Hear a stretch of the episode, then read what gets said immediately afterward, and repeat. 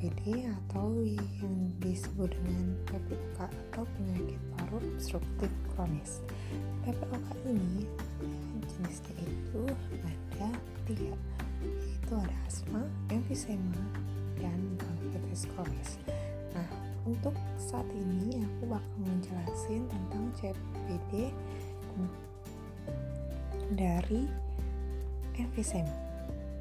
Nah, untuk pengkajiannya, yang paling utama itu kita harus mengkaji tentang sistem respiratorinya, seperti RR-nya, bagaimana pernapasannya, ada bunyi nafas tambahan atau penggunaan otot-otot pernapasan tambahan, penggunaan nafas cuping hidung, atau ada retraksi atau tidak.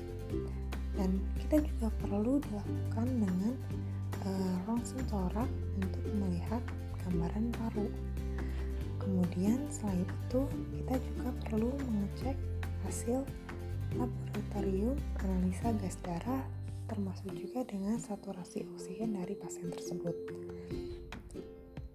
Selain itu, untuk penyakit COPD ini diperlukan juga pendidikan kesehatan seperti menghindari panas dan dingin yang terlalu ekstrim, kemudian untuk menganjurkan klien untuk berhenti merokok karena merokok ini merupakan faktor yang paling sering terjadi pada penderita COPD.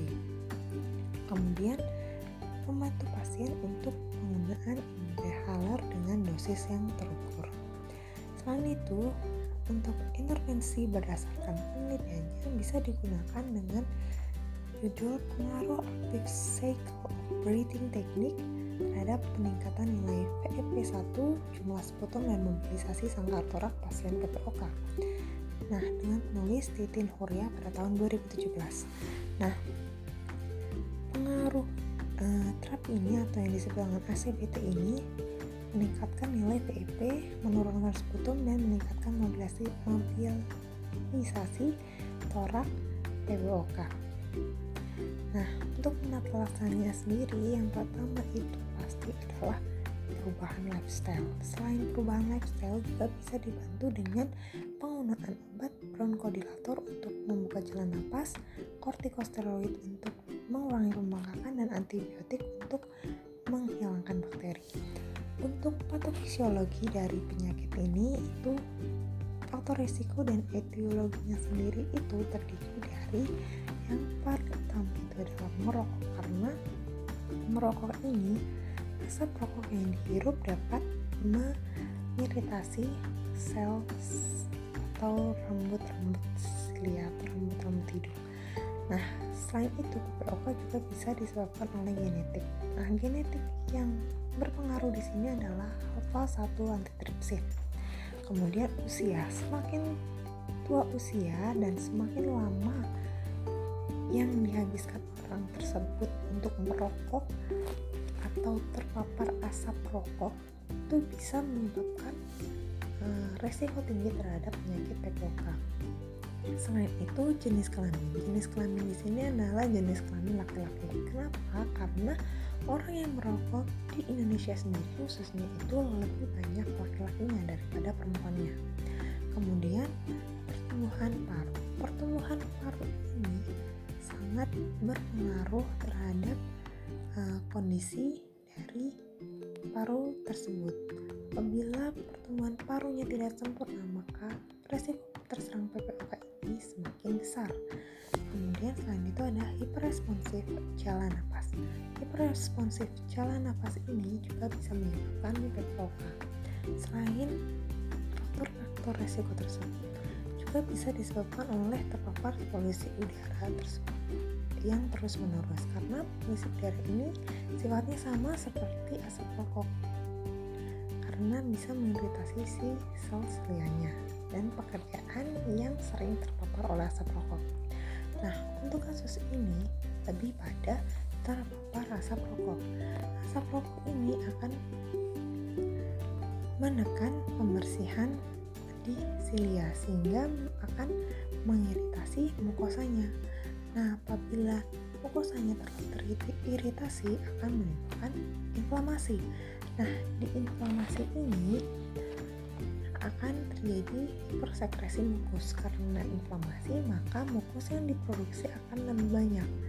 Apabila mukus yang diproduksi lebih banyak maka akan merangsang refleks batuk. Nah rangsangan refleks batuk ini terjadi karena tenggorokan sangat gatal sehingga pasien pasti akan mengeluhkan batuk-batuk dan keluar dahak sehingga di sini bisa diangkat masalah keperawatan yaitu ketidak efektifan bersihan jalan nafas.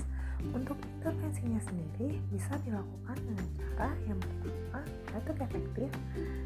Jika batuk efektif tidak dapat dilakukan maka dilakukan positioning setelah di positioning langsung ke fisioterapi dada untuk memposisikan soket supaya bisa keluar. Apabila tetap tidak bisa keluar maka bisa dilakukan dengan cara suctioning selain itu intervensinya juga memonitor dari warna dan jumlah dahak yang dikeluarkan. Kenapa? karena rasionalnya itu warna sputum mengindikasikan apakah ada infeksi atau tidak di pernapasan tersebut. Nah, selain itu,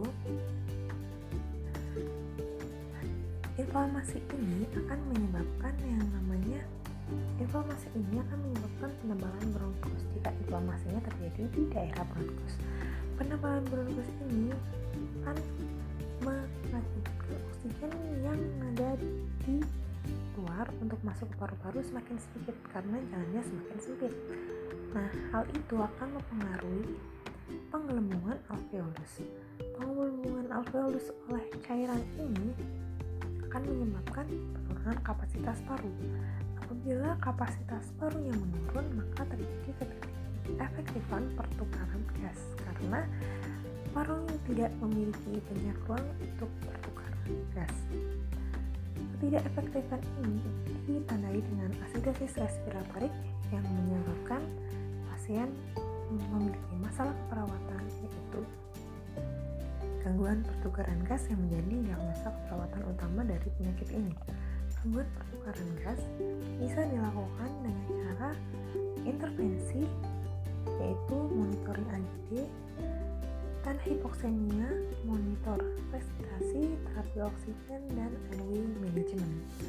Nah, selain itu, dari gangguan pertukaran gas otomatis jaringan tidak mendapatkan cukup oksigen. Jaringan yang tidak mendapatkan cukup oksigen akan terutama apabila jaringan tersebut ada di saluran cerna akan menurunkan motilitas motilitas usus Mobilitas usus, usus yang menurun ini akan menurunkan berat badan.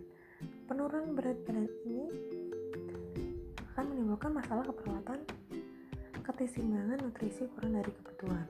Sehingga pada pasien ini diperlukan diet TKTP atau tinggi kalori dan tinggi protein untuk mempercepat penyembuhan inflamasi dan memperbaiki nilai gizi dari klien tersebut. Selain itu juga perlu dibarengi dengan pemberian asupan cairan yang cukup.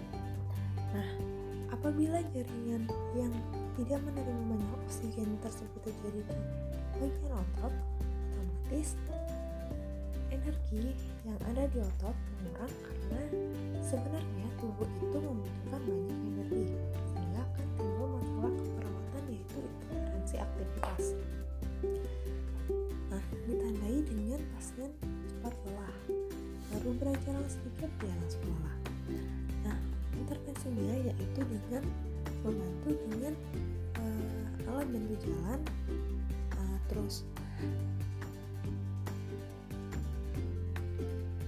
evaluasi terhadap aktivitas klien, kemudian uh, jika memungkinkan bantu dengan latihan fisik Selain itu, ketidakefektifan pertukaran gas menyebabkan suplai oksigen menurun. Suplai oksigen yang menurun akan menimbulkan sesak dan peningkatan respirator respiratori rate seperti pada kasus yaitu 28 kali per menit yang menimbulkan masalah pola nafas tidak efektif. Untuk pola nafas sendiri bisa dilakukan dengan monitoring TTP dan uh, melakukan teknik pernafasan pulse lips breathing untuk meningkatkan oksigen dalam darah.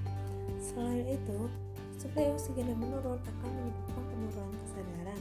Penurunan kesadaran ini akan apabila terjadi di uh, lingkungan luar akan menimbulkan resiko cedera. Untuk itu bisa dibantu dengan terapi oksigen ataupun uh, kita selalu memantau bagaimana jalan dari klien tersebut. Soalnya mengantisipasi ketidaksadaran ketika jalan untuk sumbernya berdasarkan Benar Sudat Keperawatan Medikal Bedah edisi 12 tahun 2013 kemudian ada tanda 2018 sampai 2020 ini dan no dan jurnal yang menjadi referensi APP.